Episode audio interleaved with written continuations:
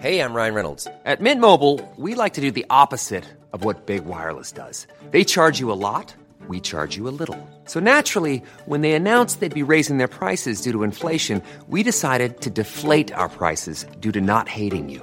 That's right. We're cutting the price of Mint Unlimited from $30 a month to just $15 a month. Give it a try at mintmobile.com slash switch. $45 upfront for three months plus taxes and fees. Promo rate for new customers for limited time. Unlimited more than 40 gigabytes per month. Slows. Full terms at mintmobile.com. Tämä on skåpet. Tervetuloa. Det här är skåpet. Välkomna. Och här kör vi på väldigt många språk. Bland annat svenska och finska. Cecilia Blankens, var ligger du ner den här inspelningen? Åh, oh, mon amour! eh, nej, jag kommer inte ihåg med franska. Vet ni vad som hände? Jag pluggade ryska. Sen då försvann tyvärr all franska jag någonsin har kunnat. Jätteonödigt. Det är som att det bara fanns plats för ett språk. Bara, ja, hopp, då kliver jag ut och så kom ryskan in. Nu har den också klivit ut och kvar finns bara luft. Och Johanna Svanberg, vilket språk hälsar du oss välkomna på? Perkele hilja på väsi, kan jag säga. Jag tror att det betyder jävla kolsyrevatten. Ja, typ. Ja. Hili happo vesi. Just Hilja det. på väsi. Ja. Det är något som jag har kunnat sedan barndomen. Jag vet inte varför jag kan, varför jag kan det, men eh, så var det.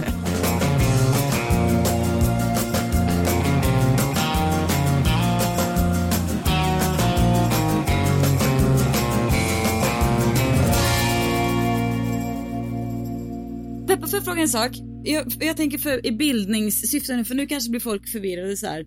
Och, och, och jaha, ska hon prata finska? Är hon inte finlandssvenska? Kan du berätta lite, utbilda oss uh, lyssnare, för att du, är, att vara finlandssvensk och att liksom prata svenska med finsk eh, accent eller brytning, det är två olika saker. Nej men så här, alltså jag blir faktiskt lite sur kanske att jag är irriterad om folk är sådär att Arja Saijonmaa, för då vill jag säga Arja Ma- Saijonmaa är finskspråkig ursprungligen, har flyttat till Sverige och lärt sig svenska där. Och det är verkligen inte samma sak som att vara finlandssvensk. Är man finlandssvensk har man svenska som modersmål och eh, man talar alltså sannolikt också finska då för att man är uppvuxen i Finland. Men Finland har faktiskt två nationalspråk, svenska och finska. Och uh, många av de som, uh, ja men ungefär 5 procent av oss har, har svenska som modersmål och vi har kanske lärt oss finska i skolan eller bland kompisar, vi har inte lärt oss uh, finska hemma. Och vi har antagligen gått i svensk skola. Så jag har till exempel lärt mig finska i skolan. Och jag har alltid skämts lite över att min finska inte är perfekt. Alltså den är, jag talar ganska bra finska, men när jag typ jobbar på olika arbetsplatser, där jag för liksom statligt till exempel, har jag varit tvungen att uh, tala finska och det har också alltid känts lite orättvist mot de som har finska som första språk eftersom jag alltid varit tvungen att kämpa lite mer för att skriva typ rapporter och sånt. Men uh, så här, Mark Levengood, finlandssvensk, Arja Saijonmaa, Sverigefinne, stor skillnad. Bra, Mm. tack. Det, det, En kommer minnesregel. inte, det är inte jätte, för dig är det ju självklart jätteuppenbart vad som är vad. Det är inte alltid så för en annan så att säga. Nej, jag börjar fundera på, kan det finnas något problematiskt i att, i att eh, tycka att det, skillnaderna är så stora? Om man tänker sig, sve- alltså olika nationaliteter som blandas hit och dit. Äh, jag vet inte, jag orkar inte ens tänka vidare på det resonemanget. Men däremot har jag en annan rolig grej att berätta. En sak jag fick höra i, eh, häromdagen. Jag träffade en person som, vi, ska inte prata om den här Köpenhamnsresan du och jag var på i augusti. Mm. Eller jo, det ska vi. För att vi åkte, var ju en stor grupp personer som åkte till Köpenhamn ihop. Sissan. Ja. Och eh, Jag vet. många där hade vi ju inte träffat förut. Och en av de här träffade jag igen nu i lördags. Och då så berättade hon att hon, hon kände ju inte, hon, vi kände ju inte varandra som sagt innan. Och hon tyckte att det var så coolt när hon fick höra talas om dig och mig och att vi hade en podd som hette Skapet. För de bara var kul att de här äldre kvinnorna har en eh, podd om, eh, om kön, alltså om stora kukar. För att hon trodde att den hette Skapet, alltså som en hästs kön. Va? Ja, så hon trodde att, att det var liksom en, en sexpodd vi hade. Hon var såhär, jaha, vad oväntat och Men kul. vänta lite, vad liksom, herregud, det finns som, men alltså vänta, vad, vad, vad kallas ett häst, manligt hästkön alltså? Skap. Är det sant? Alltså, man, re- man rengör skapet. Det är liksom, att rengöra Jaha, kuken på en Man häst. rengör skapet. Har ni inte hört ordet skap? Ni är ju hästtjejer båda två. Nej.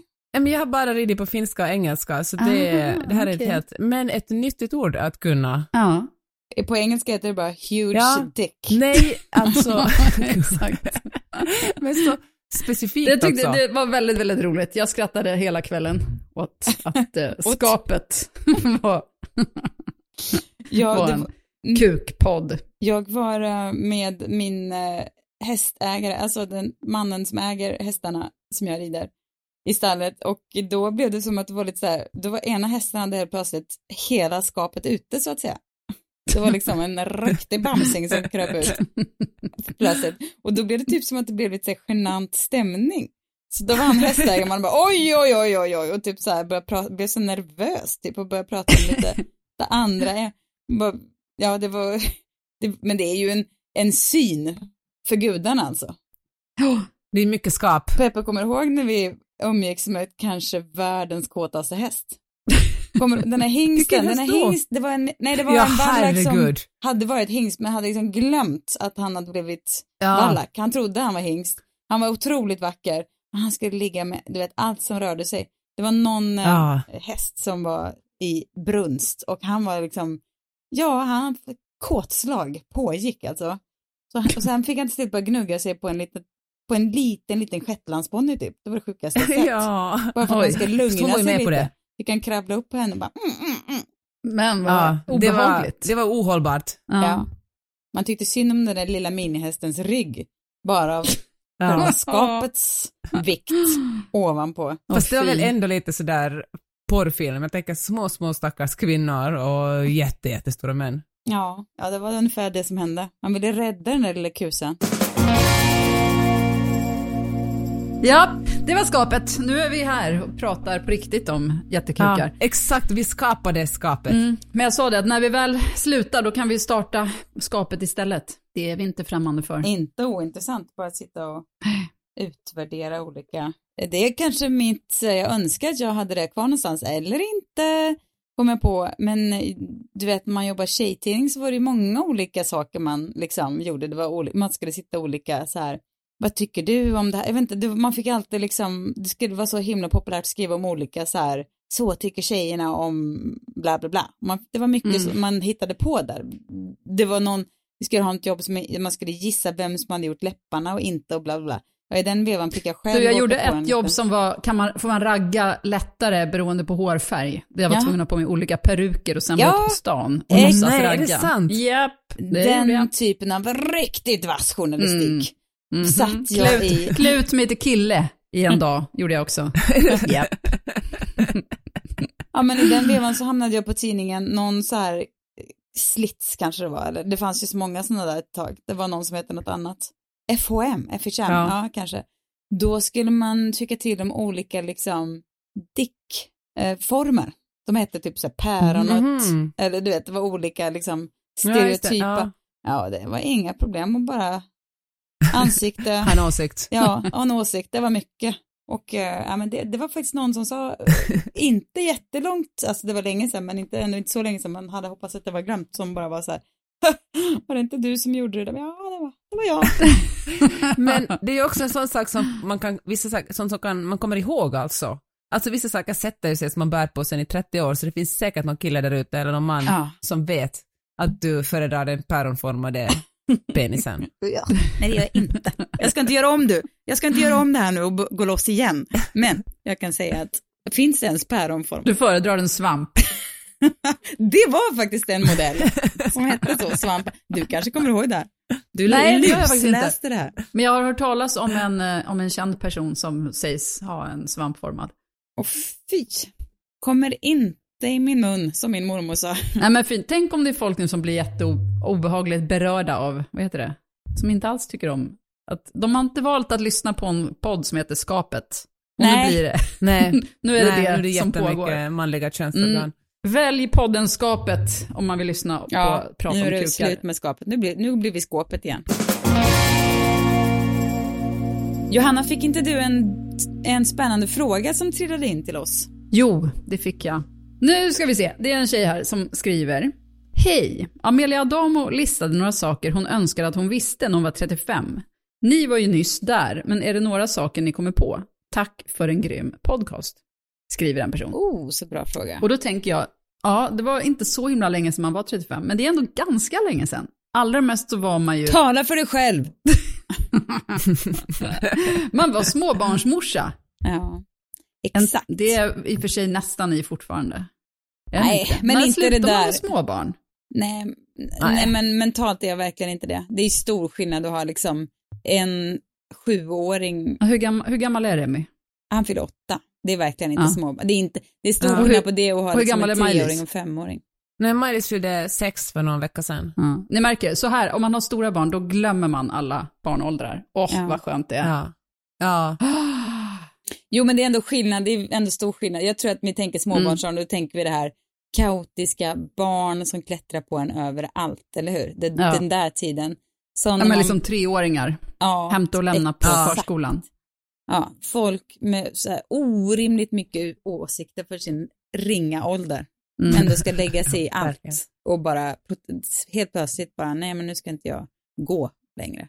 Och sådana där. Ja, men när- när jag var 35 så hade jag en tvååring och ett, en ettåring. Oj, Så, herregud, Johanna. Ja. älskade du det Johanna? Jag kan, när jag tänker på det nu, tänker jag så här, mm, ska vi se en småbarnskompatibel person? Ja, då ser jag inte dig i alla fall. Nej, alltså jag älskar att ha stora barn. Ja. Det gör jag verkligen. Nej, men det som jag, eh, det som jag lite grann, alltså nu är det så här svårt att, för att nu vet jag ju att mina barn, alltså så som de är idag och så som vi trivs ihop, alltså vi har ju inte, jag skulle säga att det har gått rätt bra, ta i trä, än så länge. De har inga jätteproblem, de har, jag tycker de är härliga personer. Så då är det ju lättare att tänka så här, okej, men då, jag borde, jag vet inte, det gick bra så som jag gjorde. Man hade kunnat ha mindre dåligt samvete, du vet, Mm. just under Mm. tiden. Fast det är ju också för att jag vet att det sen gick bra. Alltså, jag vet inte. Det är svårt. Ja. Men jag tänker så här, alltså, man kan, jag tror att man överskattar sin förmåga att påverka sina barn som förälder. Jag tror att om man är en uh, någorlunda närvarande och de har det ganska bra så kommer det att bli okej. Alltså lyssna på dem och, och ta lite ansvar. Jag tror att eh, det är väldigt, ja men barnen är ju personer, de blir vad de blir när de växer upp. Jag tror att man Mm. inte kan, det är inte som en klump lera man kan forma, att det är det man vill ha. Nej, alltså jag tror verkligen inte att det är man själv som förälder som kan avgöra hur de blir. Men däremot så vill jag ju inte heller, alltså för man vill ju inte, jag tänker på alla, ja men du vet, folk som blir mördare och våldtäktsmän, det vill säga killmammor, jag är ledsen, men. eh, eh, alltså det är ju inte föräldrarnas fel att det blir som det blir, till Nej. största del. Alltså ibland kan det säkert vara det också, för men herregud, vad- vem vet vad de barnen har gått igenom, men Ja, men det, Mm. jo precis, men man kan ju ändå, som förälder är det ändå så här viktigt och, jag menar det är klart man kan påverka, till exempel om, i Ja, vilken, ja, vilken, absolut. till vilken grad bortskämda de blir till exempel. Eller eh, in, om integritet Ja, ja, ja. och sånt där är ändå, där kan man ju Mm. såklart påverka, sen har de ju sina personligheter om de är liksom drivna eller gillar att chilla Ja, eller ja men självkänsla och sånt där kan man ju jobba på. Ja.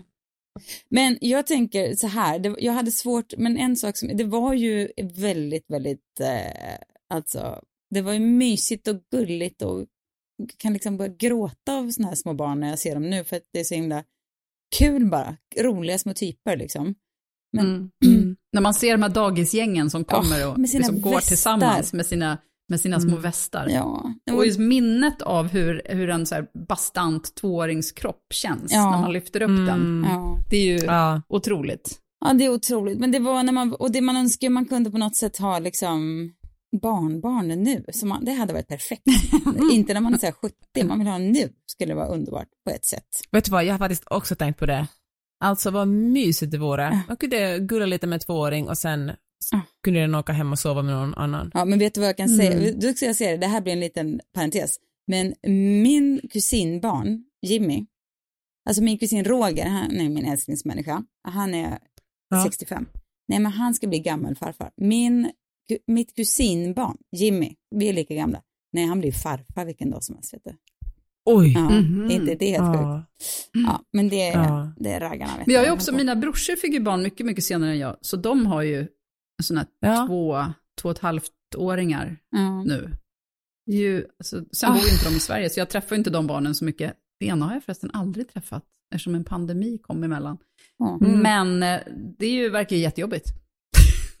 Ja, men jag tänker, alltså det som, det som jag liksom ändå, som jag tycker är min så här, en tanke som jag tycker jag hjälper mig genom så mycket, om man bara vågar lita på den, är ju att, alltså långa perspektiv, att det är så här, Ja, ja fy fan vad jobbigt det är nu, men, men det går liksom inte att få rätsida på allt, att allt ska funka med jämställdhet, uppfostran, att man själv ska ha ett rikt och härligt liv, men också, det går inte bara, man får, för, jag vet inte, men det blir eh, lite lugnare. De, de stunderna jag lyckades fånga och tro på, alltså långt perspektiv, det finns liksom mer liv. Det här är inte för alltid, utan det här är ett nu och det är mycket som skaver, men håll i liksom på något sätt och så blir det, Ja. så var det mycket lättare och det önskar jag kanske att jag hade haft ro och känna oftare när jag var 35. Vet du vad jag är glad för att man slapp när jag hade barn i den där åldern? Att då var det inte lika mycket, alltså fanns Instagram än? Jag, jag är osäker. Men att det var ju inte lika mycket av liksom den här mammahetsen. Jag tänker på det att vi får ju ganska många frågor från, från just småbarnsföräldrar. Eh, vilket jag kan tycka är märkligt för att vi är så otroligt inte småbarnsprofilerade. Men det är väl, alltså folk lyssnar på vad de lyssnar. Det, och det är jättemysigt när folk hör av sig, så jag menar inte så. Men att på alltså tiden när vi hade de här två och treåringarna, då fanns det inte lika många som var, alltså det var ju innan folk började visa upp sig med barn. Eller hur? Ja, fast det var ju bloggarna kanske. Ja, i och för sig, men vänta, Sissan, du var ju en av de här Ja, jag ju, mammabloggarna. vet du, jag var ju, Ja, det var du som var en av de som startade den där det trenden. var, så, så var det faktiskt. Jag var liksom pionjär på en riktig person man kunde få kasta otroligt mycket skit på. För ingenting. Alltså bloggen Mamma 2009, det var vidrigt alltså. Det var ett träsk av, ingen hade heller lärt sig om så här mom-shaming utan det var bara full on med allt. Vet, om jag, någon gång när jag råkade nämna att jag hade liksom handlat på vägen innan jag hade hämtat hos dagmamman, nej, då var det fullt jävla fucking krig som pågick för att jag hade Mm. utnyttjat eh, systemet och gått och handlat på min fritid liksom. Och inte låtit mina barn vara bara, du vet, det var, jag blev lynchad, halad, blästrad och liksom hudflängd över det. Men hur tog du det då? Alltså, alltså mådde du dåligt av det eller, Nej. var, eller var du såhär, ah, fuck it? Eh, nej men det är klart man blir lite ängslig av att bli liksom allt det här på, eh, utsatt för allt det där. Men, men jag blir alltid på krigsstigen mer än liksom när man någonstans vet Mm. att man liksom inte har rätt kanske, men så jävla farligt kan inte det här vara. Mm. Jag, blir mycket, jag blir alltid mycket mer på krigsstigen än, eller krigsstigen, men jag blir i alla fall försvarsställning mer än att Mm. jag liksom skäms. Mm. Ja, men det är väl en jättebra strategi. Alltså, för att överleva själv. Alltså för det är ju också, jag tänker att man blir ju också arg mest på grund av att folk tar sig mage att poängtera hur man ska leva sitt liv, som andra människor har rätt att eh, ja, men recensera det sättet man är och väljer att leva på. Ja. Men det som jag kan tänka mig är med alla som då har de här småbarnen idag, för att eftersom det finns nu så många som är som Sissan var då, mammaprofiler, och eh, liksom, som visar upp ett jättevackert liv och det, allting ser så fint och ordnat ut och det är så gulliga kläder på folk och sådär.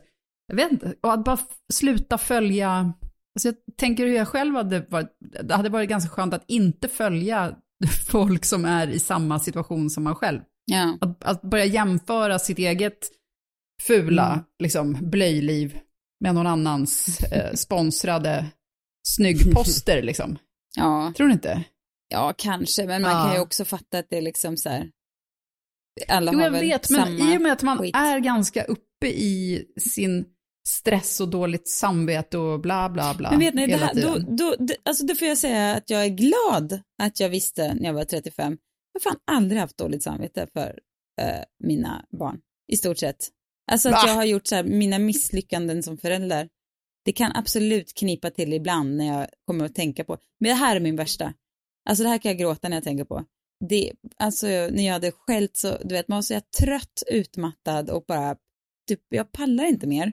Så kom väl Bonnie som alltid har varit liksom väldigt klok och förståndig men också ganska Mm. liksom, du vet, här är jag, här är jag, titta här på mig, titta på mig, du vet så här. Och du vet, man skällde ut henne så håret stod på ända på henne, stackars stackarn, för ingenting.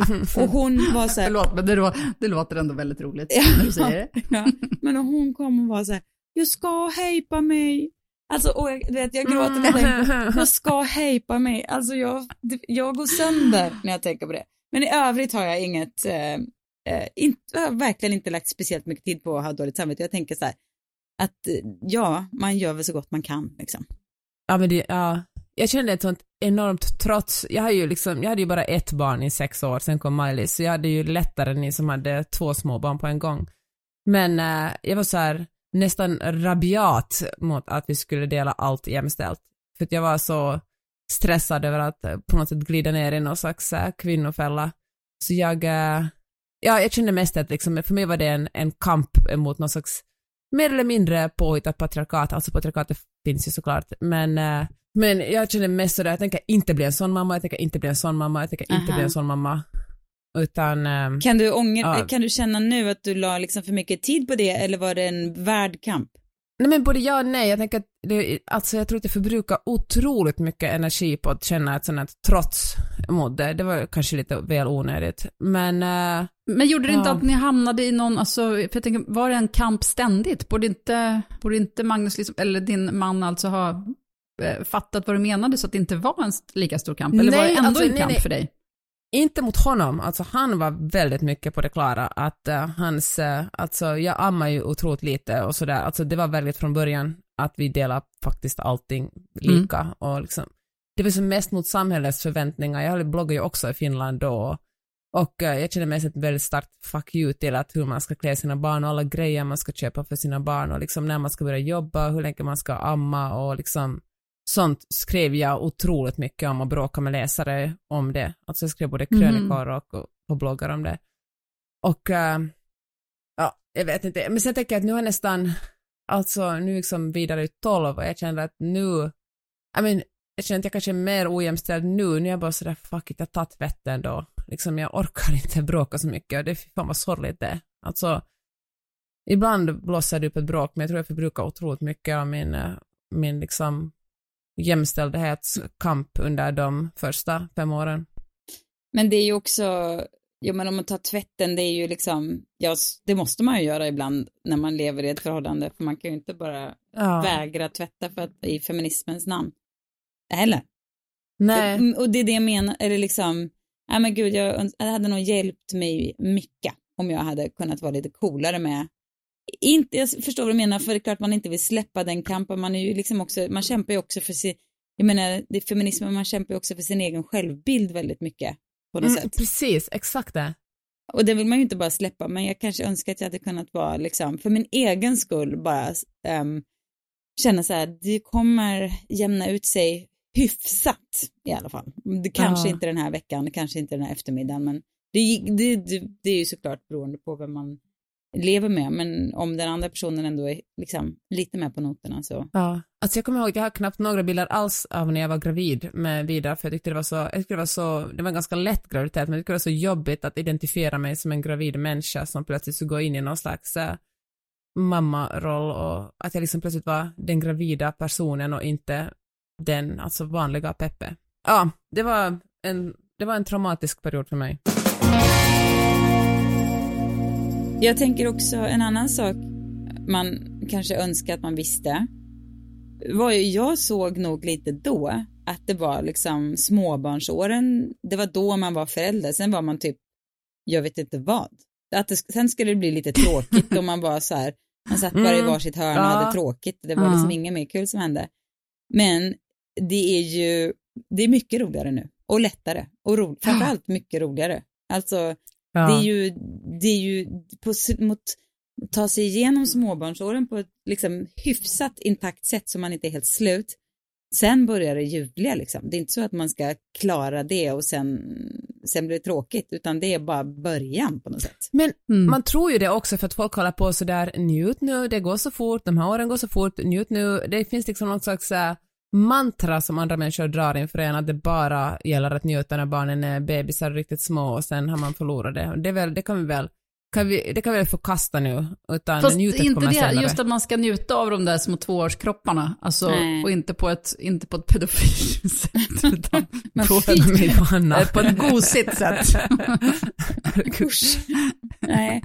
Ja, men precis. Om man kan, man kanske kan så här, jag, jag såg en eh, pappa som bar ett litet, en liten bebis, så här sju, åtta månader, som liksom, du vet, satt på hans arm, på kroppen på framsidan och liksom letade sig in med sin lilla tjocka hand innanför tröjlinningen för att liksom, du vet, ville ha lite hud under sin knubbiga lilla hand.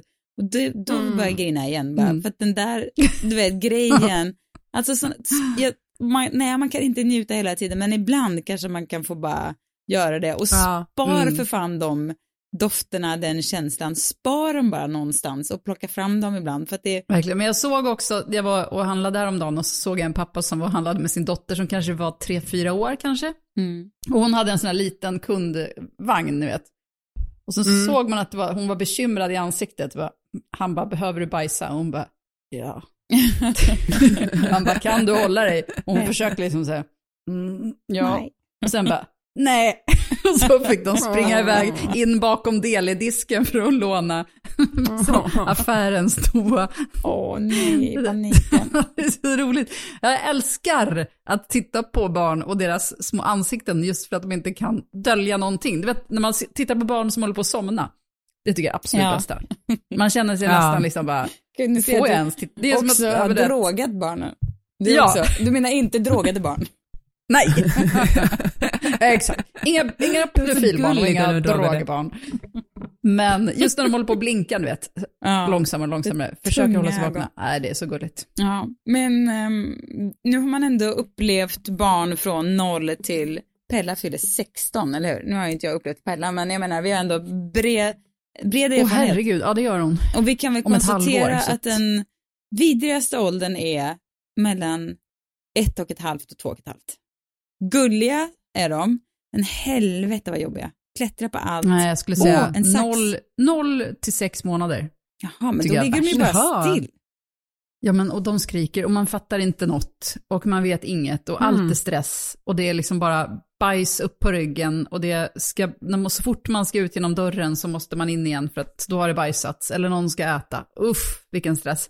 Men, aha, men det tycker jag ändå, det var ju Mm. bara att ta med sig ett litet bylte och liksom lösa på flygande Nej, det, nej, jag tycker det var hemskt. Sen började de sitta upp vid sex månader och då, Men du kanske hade sett Då lugna var det barn, vi har lugnare. haft tre jävla vildstyren, så när de är ett och ett halvt år och, och knallar omkring och bara är så här, åh, en el, eluttag, den ska jag slicka på, åh, en kniv, den ska jag också slicka ja, på. ja, men så var mina aldrig. De var jättejobbiga som bebisar, men sen så var de, har de varit toppen De, sen mina dess. hade självmordsknappen liksom intryckt i ett år mellan ett och ett halvt och två och ett halvt år.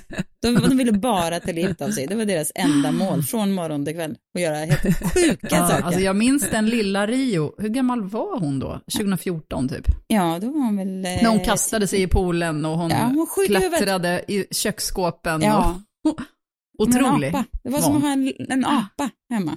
Fast Mm. människa. Ja, men eh, så det, det kan man ju också tänka på om man tycker att det är så här, åh, att man känner stressen att man måste njuta bara. Ja, men njut om du kan, men det är inte så att det är över sen, utan tvärtom, det blir bara ännu bättre. Så du behöver inte känna så här Mm. stress över att, att det liksom, nu är det slut på det roliga, för så är det verkligen inte. Men vet du, precis så, så tänker jag faktiskt också, för att här i USA är det ju så otroligt mycket mer ojämställt än i Norden. Alltså där hemma så jobbar ju oftast båda föräldrarna och eh, man har åtminstone, okej kvinnor tjänar ju fortfarande sämre, men man har ändå båda lön och så vidare.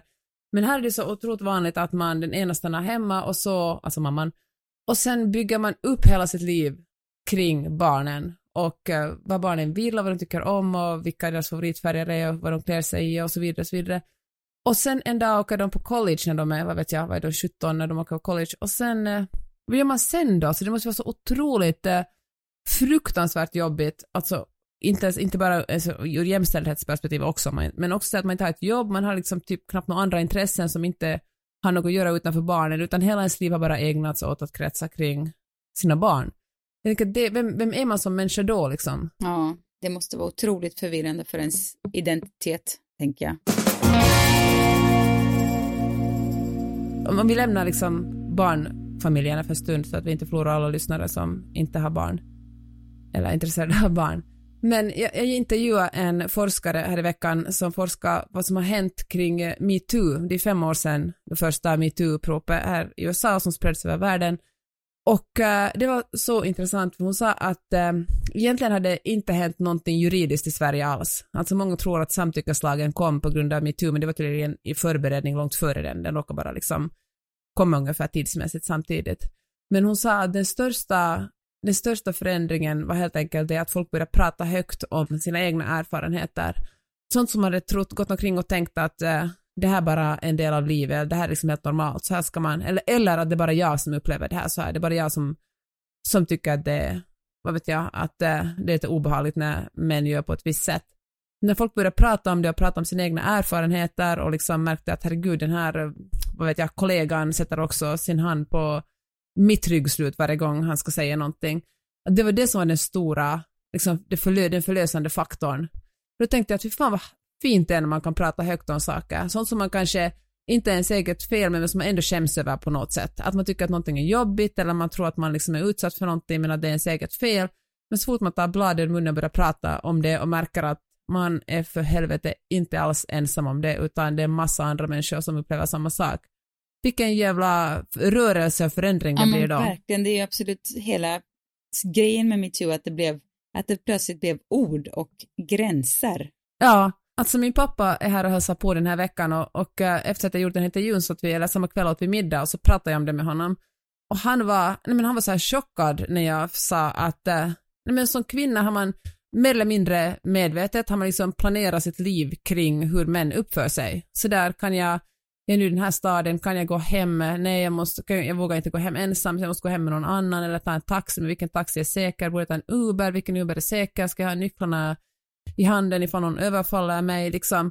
Eller typ den kollegan kan man inte gå in i, alltså när det blir julfest kommer den kollegan att vara full så det är inte bra att sitta bredvid den för det kommer att tafsa på en eller, eller liksom en massa så små strategier för att eh, hålla sig liksom för att kunna, men få ha sin kropp i fred från män. Och när jag förklarade det för honom blev han helt chockad. Han liksom, och så försökte han säga sådär men det är väl bara, alltså han känner verkligen inga män som uppför sig på det där sättet. Men Det gör är ju ingen verkligen, man. Det är det som är så Nej, märkligt. verkligen. Men ändå har liksom så gott som alla kvinnor utsatts för det. Mm. Men det kanske är, det är inte så lätt, alltså nu finns det liksom orden för att kunna prata om det, snacka gold igen, nu får vi lite mer så här ljud, en ljudbild. um, ja men det var ju, det var ju verkligen en stor win med metoo att det blev. Men hur gör man om man inte, om man är i en värld liksom, där man inte, där inte är, där man är lite så här, åh, eh, lilla Wilhelm och Klara, alltså du vet man är, man är liksom en lite så här mysig, man har också, man har också känslor, men det finns inte liksom, ingen har riktigt öppnat upp, man vill inte vara den som först är så här, fy fan vad jag stör mig på nu. Wilhelm bara, jävla Men tror du inte att det finns det då? Jag tänker det finns ju så mycket olika mammaforum och Ja, kanske. alltså det finns väl ingen, alltså, jag tycker snarare att man måste, att det som folk kanske behöver göra är att släppa tanken på Wilm och Klara och hur jobbiga de är och bara tänka på någonting som inte har med barn att göra. Ja, Det är kanske det man behöver, att bara så här, men det är ju svårt, man är ju typ som en man är Jo, ju typ jo, som jag en vet, men Stockholmssyndrom ändå. som bara pågår i, år efter år Mm. när man har i Ja men småbarnsår. verkligen, så är det ju. Men jag vet inte. Men nu har vi dessutom bara pratat om barn. Alltså det måste ju finnas andra delar av livet, apropå det, som man har tänkt på Jaha! sen man var ja, ja. 35. Det var ju inte bara om barn frågan handlade.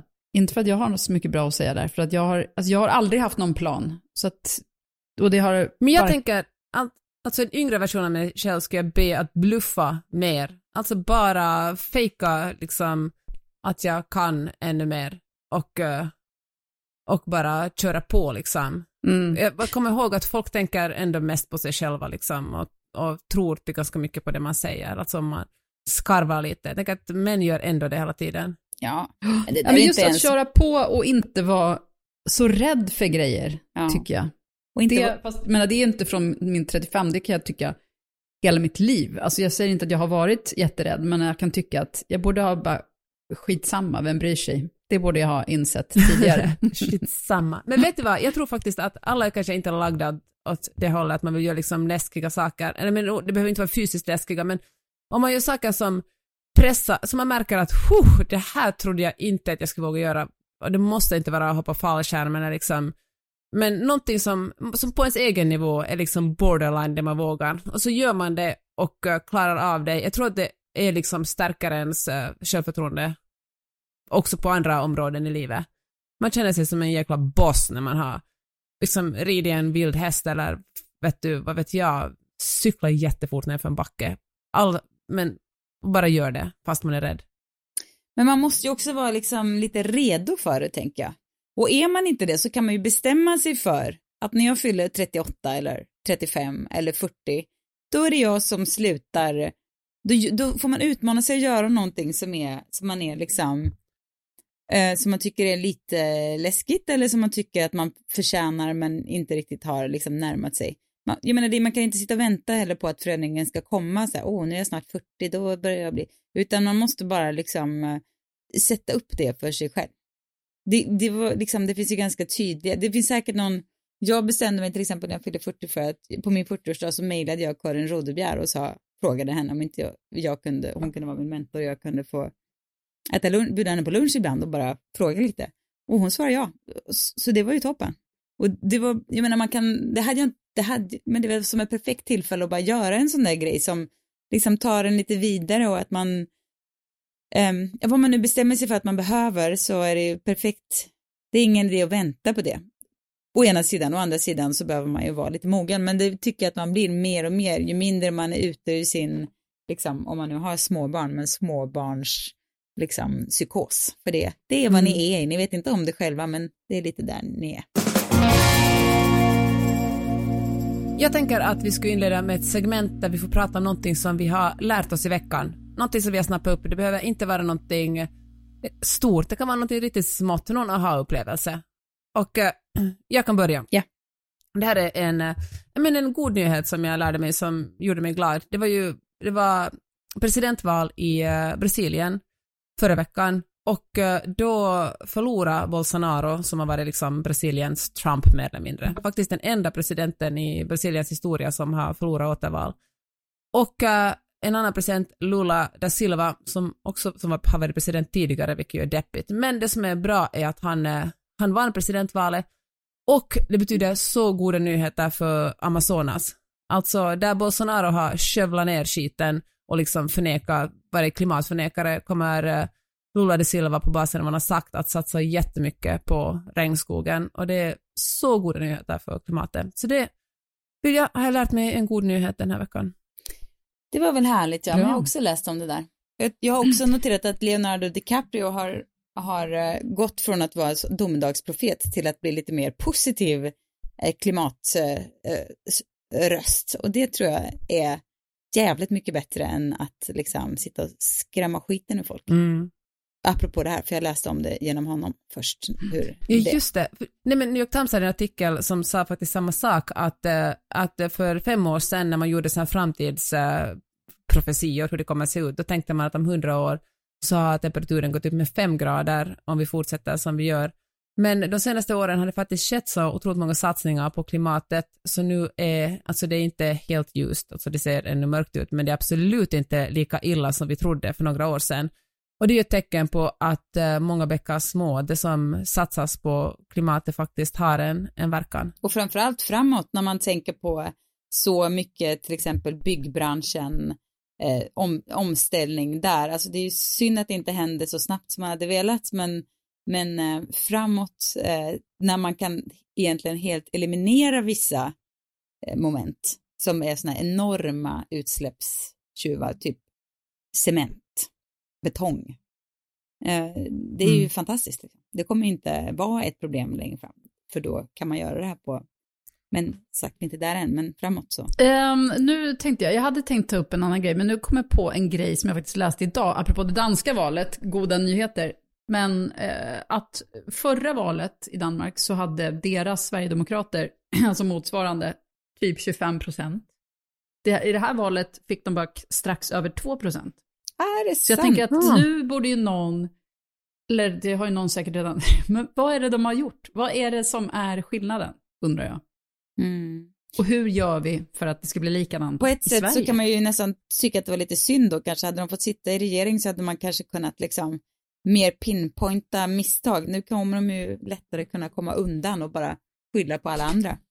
Ja, Och, men det är eh, också möjligt att det är så att de danska andra partierna har liksom anammat den, eh, den politiken så pass mycket att ja, folk inte tycker att det är Inte. värt att... Nej. Alltså det har ju, det har ju Moderaterna, alltså det är ju Ja, Moderaternas precis. Det har enda... väl hänt redan grej. här också. Ja. Vad skulle du säga att du har lärt dig? Nej, men vet, jag har inte lärt mig. Det här är någonting som jag faktiskt har jobbat med ganska länge, men jag har, det har blivit väldigt, eh, jag har, det har nyttjats flitigt senaste veckan och det är någonting som jag eh, vill, ja, man kan se det som ett litet tips också. Men för eh, jag, jag såg Cowspiracy och jag, jag har liksom aldrig gillat kött speciellt mycket. Såg Cowspiracy och då blev det helt naturligt att jag kände bara att nej men gud varför äter jag så mycket kött? Jag tycker ju inte ens att de här slentrianskinkmackorna eller mamma scan-rätterna, jag gillar inte ens.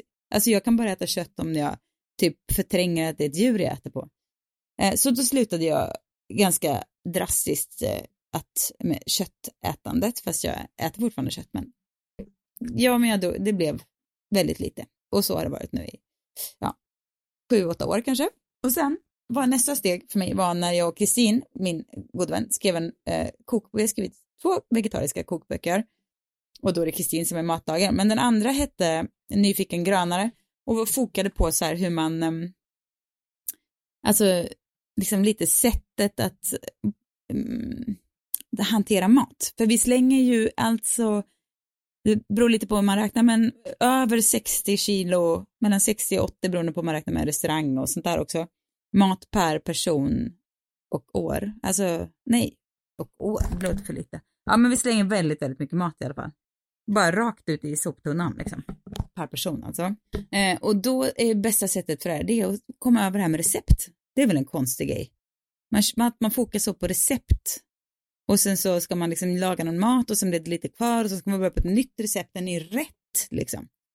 Då vill jag bara eh, tipsa om att jag har liksom det, jag har lärt mig och blivit någon slags mästare på att eh, hitta på, laga hitta på mat.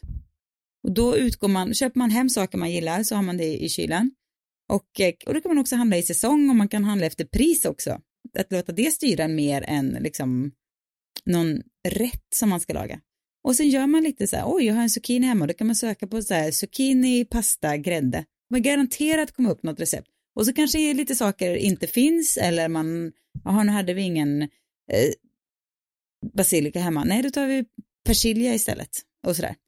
Um, ehm, så, och det här har blivit väldigt tydligt i veckan när jag har liksom in absurdum eh, lagat nya rätter av gamla rätter. Och så hållit på sådär. Ja, det är ju också väldigt kul att laga mat på. Mycket bra. Gud, vi är präktiga idag alltså. Ja, Ja, jag vet. Vi måste, ja, verkligen. ja Johanna, det är ju din eh, värsta grej har du messat med mig om. Att eh, präktigheten, den måste dö. Och här sitter vi. Ja, jag Präktigare kände än så tidigare i veckan att, att jag är så trött på präktigheten. Och eh, nu eh, har det här blivit en väldigt präktig podd. Men jag kan känna Vad menar du med känna- präktigheten? Ja men att man vet ju vad, alltså så här, det handlar också lite grann, nu kommer jag tillbaka till ålder här, men man vet vid det här laget vad som är rätt och fel Mm. och vad, hur man borde leva och allt sånt där. Och ibland så kan det ju kännas då som att man sitter och bara upprepar saker som är gamla sanningar, för att vi som är i den här åldern, vi vet redan det. Och då Ja. tänkte jag, borde det inte vara så att vi som är, vi säger 40 plus, då slipper man vara präktig. Då får man bara ägna sig åt något kul. Alltså, hundra procent. Och så kan man låta till exempel, ja men du vet, 20 till 30, då, där kan de vara präktiga. Där kan de hålla på och preacha för varandra om hur, hur livet ska vara, uppfostra varandra. Sen så, ja men sen är man ju fast i de här småbarnsåren och då hinner man inte någonting annat än jämföra tvättservetter. Men nu, det är nu vi bara ska få slippa vara präktiga.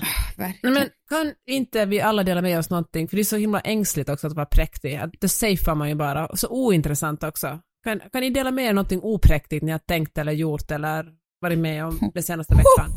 Bara, nej men, Alltså, ja alltså vi kan vi bara definiera präktig lite. Vi tänker då liksom att man är, att man är så ja, ah, det gjorde jag redan i förrgår. Typ.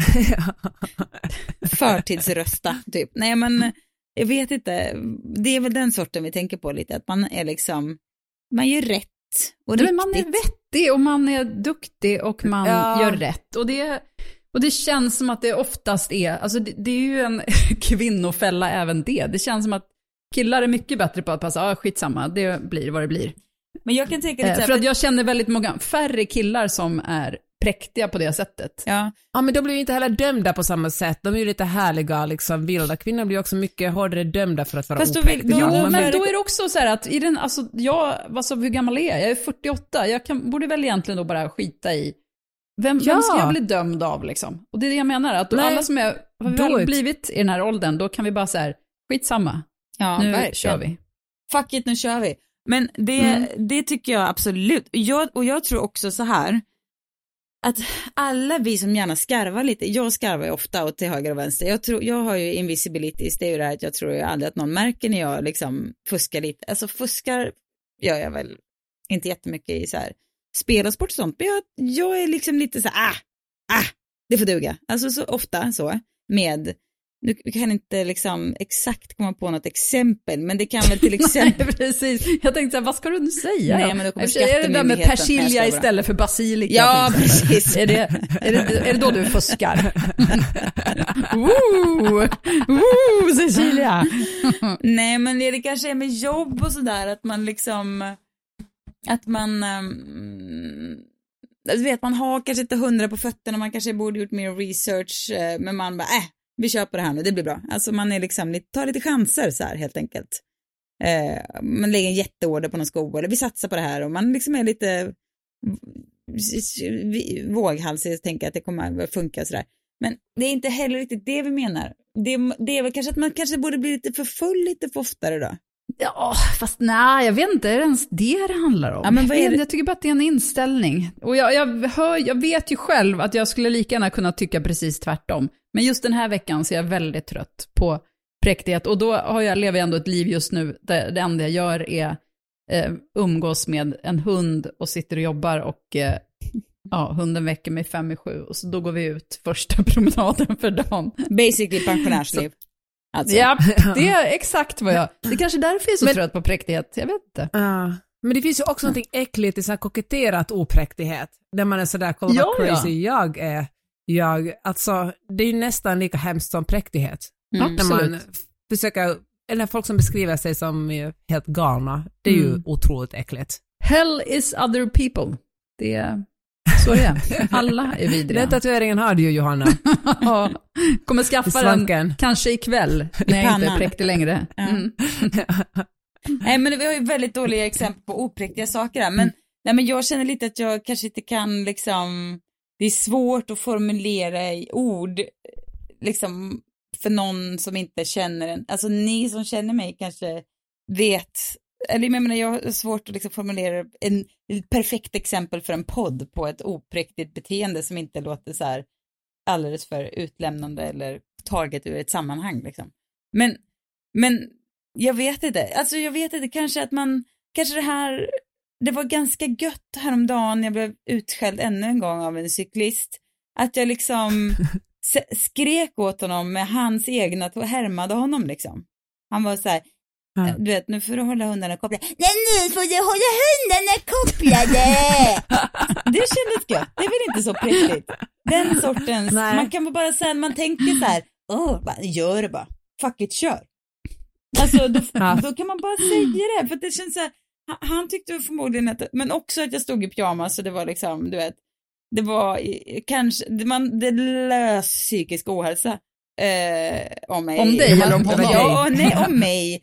Ja. Det här med pyjamas, att jag såg härmarna, cyklisterna så. Men, det var ändå, det, men skitsamma, det spelar väl ingen roll. Det var ändå väldigt skönt och så här, nej men nu, nu tycker jag att nu, nu, nu gör jag det bara. Men det är väl någonting att ta med sig, liksom den attityden, ah fuck it, och sen gör man det bara. Ja. Man bara, liksom, inte tänka på så många konsekvenser hela tiden. Bara att fuck it, nu blev det så här. Ja, men då får man också lova sig själv och inte och släppa det sen. Då får man inte älta det sen. Du måste komma med en del löfte till sig själv också när man gör så här eh, någonting som är, ja men typ så här att man skäller tillbaka på någon som oh, liksom gapar på en. Eller att man, du vet, gafflar upp någon som behöver få höra att de inte ska slänga glasspapper på marken. Nej, sådana saker som är viktiga för mig. Nej men vad det nu kan vara, man tycker att man liksom, du vet, man har någon känsla inom sig, man släpper ut den, då får man heller inte liksom sen eh, skämmas eller liksom ångra sig, utan då får Nej. man bara vara så, ja nu gjorde jag det, hej då. Det- Så jag tänker Men vet du vad, det där är också en träningsfråga. Det får jag förresten säga Sissan, du som är pappa, han går och plockar upp skräp. När han ser skräp på gatan plockar han upp det och Ja. kastar det i en soptunna. Ni är således lika. Ja. Nej men, men verkligen, jag tänker om man säger så att man är nu en person som ältar, men nej, då får man, hjärnan är ingen muskel, man får tänka på den som en muskel, man kan verkligen öva sin hjärna på att tänka i andra banor, man får bara anstränga sig lite. Och eh, ältande, om man verkligen mår illa av att älta, det får man fan träna på att inte älta, för det finns också någonting lite, lite, lite narcissistiskt att tänka så otroligt mycket på sig själv och vad andra människor tycker Nej, om en och vilken bild man har gett.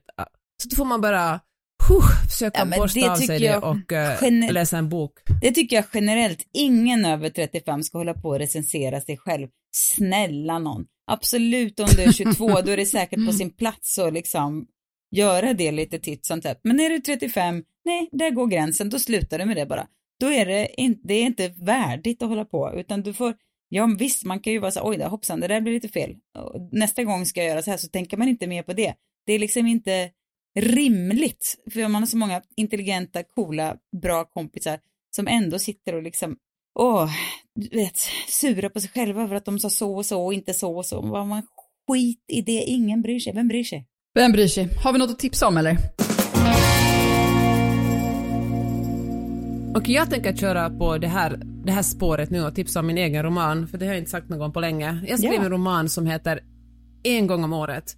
Och det handlar om en kvinna som lever i ett helt okej äktenskap, men hon känner, eller relation med två bonusbarn, och hon känner ändå att hon, ja men hon, hon är tvungen att pruta på sina egna behov hela tiden. Och, eh, och så löser hon det genom att träffa en älskare en gång om året och det ger henne så mycket energi och glädje att hon pallar med sitt vanliga vardagsliv.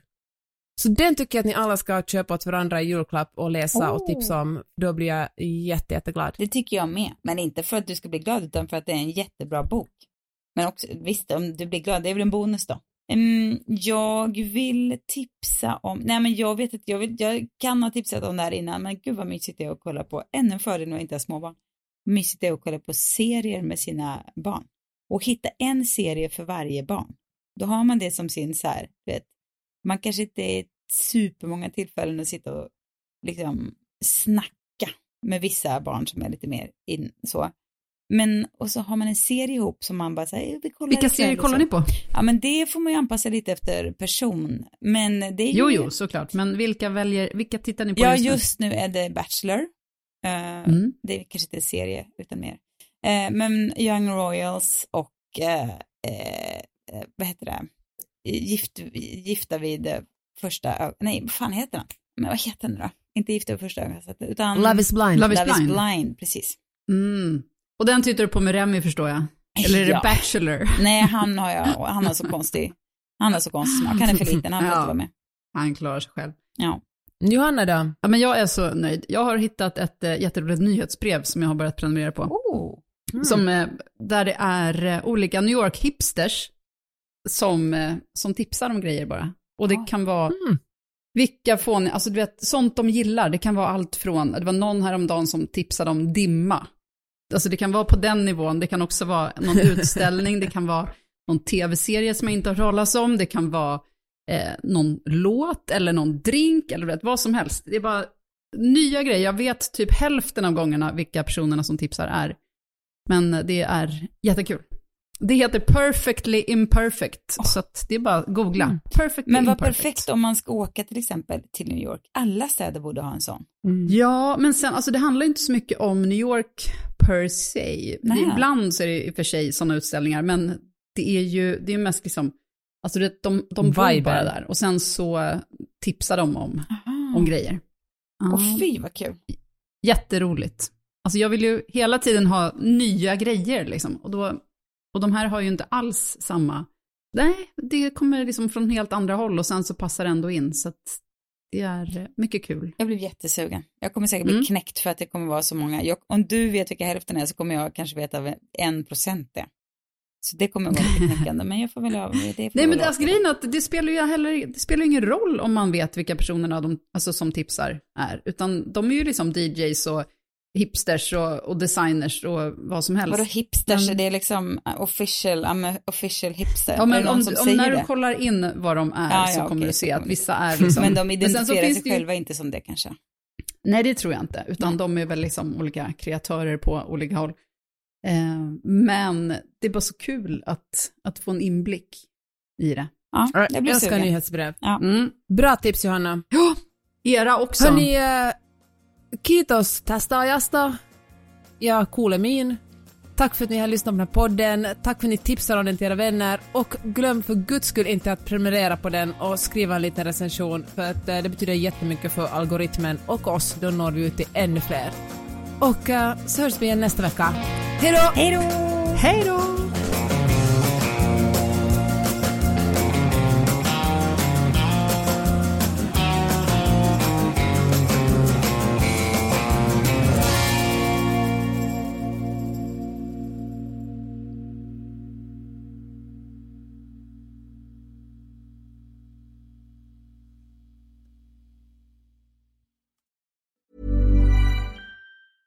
A lot can happen in the next three years. Like a chatbot may be your new best friend. But what won't change? Needing health insurance. United Healthcare Tri Term Medical Plans are available for these changing times. Underwritten by Golden Rule Insurance Company, they offer budget friendly, flexible coverage for people who are in between jobs or missed open enrollment. The plans last nearly three years in some states, with access to a nationwide network of doctors and hospitals. So, for whatever tomorrow brings, United Healthcare Tri Term Medical Plans may be for you. Learn more at uh1.com. This message comes from BOF sponsor eBay. You'll know real when you get it. It'll say eBay Authenticity Guarantee. And you'll feel it. Maybe it's a head turning handbag, a watch that says it all, jewelry that makes you look like the gem, or sneakers and streetwear so fresh every step feels fly. eBay gets it. So look for the blue check mark next to that thing you love and be confident that every inch, stitch, sole, and logo is checked by experts. With eBay Authenticity Guarantee, you can trust that feeling of real is always in reach. Ensure your next purchase is the real deal. Visit eBay.com for terms.